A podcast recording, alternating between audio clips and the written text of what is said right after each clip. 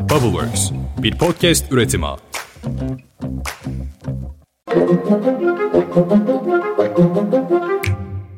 Beş dakikada dünya gündemine hoş geldiniz. Bugün 23 Aralık 2022 ben Özlem Gürses. Hoca yılı devirdik son sayıyoruz artık. Hadi başlayalım.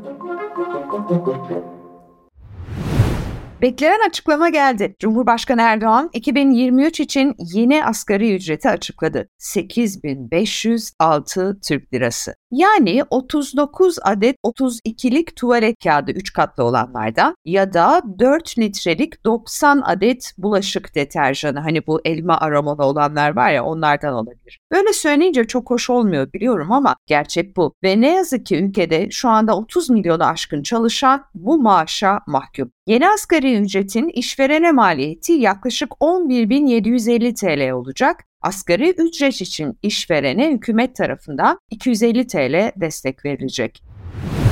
Açıklamanın ardından Türk İş Başkanı Ergun Atalay beklentilerimiz karşılanmadı dedi. Erdoğan ise birkaç ay sonra bir ara düzenleme yapabiliriz diye vurguladı. Yani tam da seçimden önce öyle denk geliyor. Onu mu demek istedi? Bence onu demek istedi ama tabii bilemiyorum. Kaynaklar ne aşamada olur? Fakat Mayıs'ın böyle ikinci haftası falan bir erken seçim yapılma ihtimalini düşünecek olursak örneğin Nisan sonu gibi yapılacak olan bir ara düzenleme seçmen açısından çok kritik olabilir. Şimdi kamu çalışanları ve emekliler de aynı oranda zam bekliyor. Ben imkansız diyorum zira durum ortada.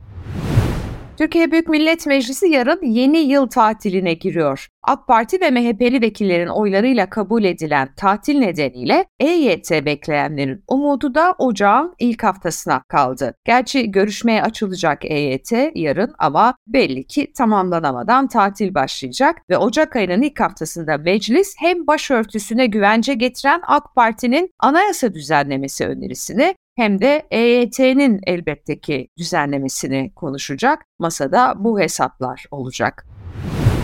Bu arada Türkiye Cumhuriyet Merkez Bankası da yılın son para politikaları kurulu toplantısını yaptı ve yılın son faiz kararını açıkladı. Ama kimse hissetmedi bile. Bakan Nurettin Nebati Merkez Bankası faizini önemsizleştireceğiz demişti. Sayın Bakanın belki de ilk kez bir vaadi gerçekleşmiş oldu. Faiz sabit kaldı, haberi bile yapılmadı. Meclis Genel Kurulu'nda HDP Diyarbakır Milletvekili Semra Güzel'in milletvekilliği devamsızlık gerekçesiyle düşürüldü. Oylamada 372 oy kullanıldı, 330 kabul, 42 red oyu verildi. HDP kararı protesto ederek dün genel kurul çalışmalarına katılmadı. Öldürülen bir PKK militanıyla fotoğrafları basına yansıyan ve yasama dokunulmazlığı kaldırılan Semra Güzel, Ekim ayında İstanbul'da gözaltına alındıktan sonra tutuklanmıştı. Cezaevinde yaşamını yitiren 28 Şubat davası hükümlüsü Kor General Vural Avar 85 yaşında hayatını kaybetmişti. Dün son yolculuğuna uğurlandı. Sincan F tipi cezaevinde yatıyordu. Avar uzun süredir demans hastalığıyla mücadele ediyordu. Eski Kor General Vural Avar 11 doktorun imzaladığı bir raporla hapishanede kalabilir önerisiyle son günlerini bile ne yazık ki hücrede geçirmek durumunda kalmıştı ve iki gün önce sabaha karşı hayatını kaybetmişti. Vural Avar Kocatepe Camii'nde düzenlenen bir cenaze töreninin ardından toprağa verildi. Kırmızı bültenle aranan uyuşturucu kaçakçısı Atilla Önder, Türkiye ve İspanya'nın işbirliğiyle yakalandı. Duyuruyu İçişleri Bakanı Süleyman Soylu Twitter hesabından yaptı. Suç işlemek amacıyla örgüt kurma, uyuşturucu veya uyarıcı madde ticareti yapma, 6136 sayılı ateşli silahlar hakkındaki kanuna muhalefet, tehlikeli maddeleri izinsiz olarak bulundurma veya el değiştirme ve resmi belgede sahtecilik suçlarından firari bir şekilde aranan Atilla Önder Türkiye'ye getirilecek. Ukrayna Devlet Başkanı Volodymyr Zelenski, Amerika Birleşik Devletleri'nden eli dolu dönüyor. Zelenski, Washington ziyareti çerçevesinde Amerika Kongresi'ne hitap etti. Zelenski konuşmasında gelecek yılın Amerika ve Ukrayna için dönüm noktası olacağını vurguladı. Dünyanın zihninde biz Rusya'yı yendik, korkumuz yok. Ukrayna'nın bu zaferi elde etmesi bize cesaret veriyor ki bu tüm dünyaya ilham da veriyor diye konuştu. Zelenski, Amerika Birleşik Devletleri'nin ülkesine sağladığı milyarlarca dolarlık askeri ve ekonomik yardımı Ukrayna'nın Rusya'ya karşı direnişinde hayati olarak nitelendirdi ama yetmemiş olacak ki daha fazla yardım talebinde de bulundu. Zelenski bu para, paranız bağış değil, bu küresel güvenlik ve demokrasiye yönelik yapılmış bir yatırımdır dedi. Tabi Rusya hiç de böyle düşünmüyor, onu biliyoruz zaten. Nijerya'nın en büyük eyaletlerinden Kano'da gay bir çiftin düğün töreni düzenlediği iddiasıyla bir etkinliğe pazar günü eyaletteki şeriat polisi Hizbah tarafından baskın yapılmış ve 20'li yaşlardaki 19 kişi tutuklanmıştı. Çiftin kaçmayı başardığını açıklayan Fage, tutukluları cezalandırmak istemediklerini, yaşam tarzlarını değiştireceklerine dair taahhüt verdikleri bir belgeyi imzalarlarsa serbest bırakılabileceklerini söylemiş. Polis sözcüsü onları mahkemede suçlamadan önce değişim yolunu deneyeceğiz, ebeveynleri de dahil edeceğiz, yaşam tarzlarını değiştirmelerini umuyoruz diye açıklama yapmış.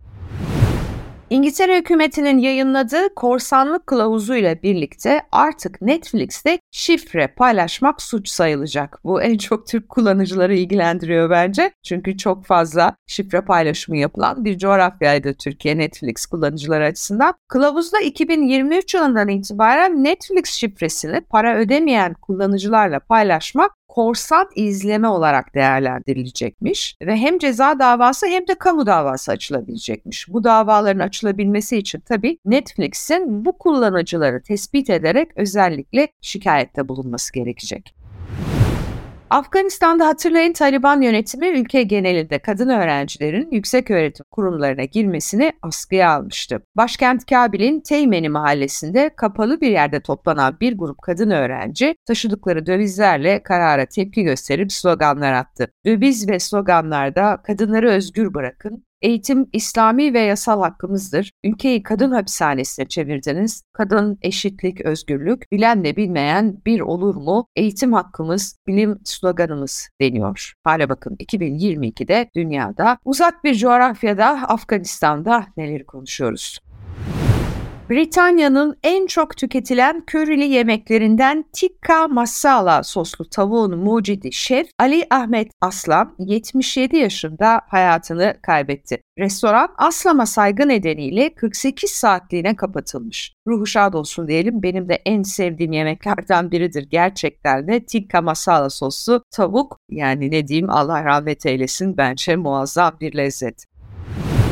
Gördüğünüz gibi Britanya'da Hint kökenli bir şefe böyle bir saygı duruşu yapılıyor. Bizim de var dünyaca meşhur bir şefimiz. Şef denebilir mi bilmiyorum ama Salt Bay olarak tanınan Nusret malum. Nusret Gökçe Dünya Kupası finalinde sahaya girip yaptığı tuhaflıklarla tüm dünyanın da gündemine gelmişti ve bu görüntülerin yankıları sürüyor. Twitter hesabından bir açıklama yapmış. US Open Cup yani Amerikan tenis turnuvası önemli bir turnuva. Salt Bay 2023 Open Cup finalinden men edilmiştir deniyor. Rezalet gerçekten de düşünün ama evet yapacak bir şey yok. Durumlar böyle. Bugün özetini dinlediniz. Hem Türkiye'den hem de dünyadan haberleri aktardık. Önümüzdeki hafta başı, senenin son haftasında tekrar karşınızda olacağım sabah erken saatlerinde. Lütfen eğer bu podcast'i seviyorsanız, bizi desteklemek istiyorsanız linklerimizi eşe dosta gönderin. Yaptığımız işten başkaları da haberdar olsun. Haftaya görüşünceye dek hoşçakalın. Mutlu, keyifli bir hafta sonu diliyorum.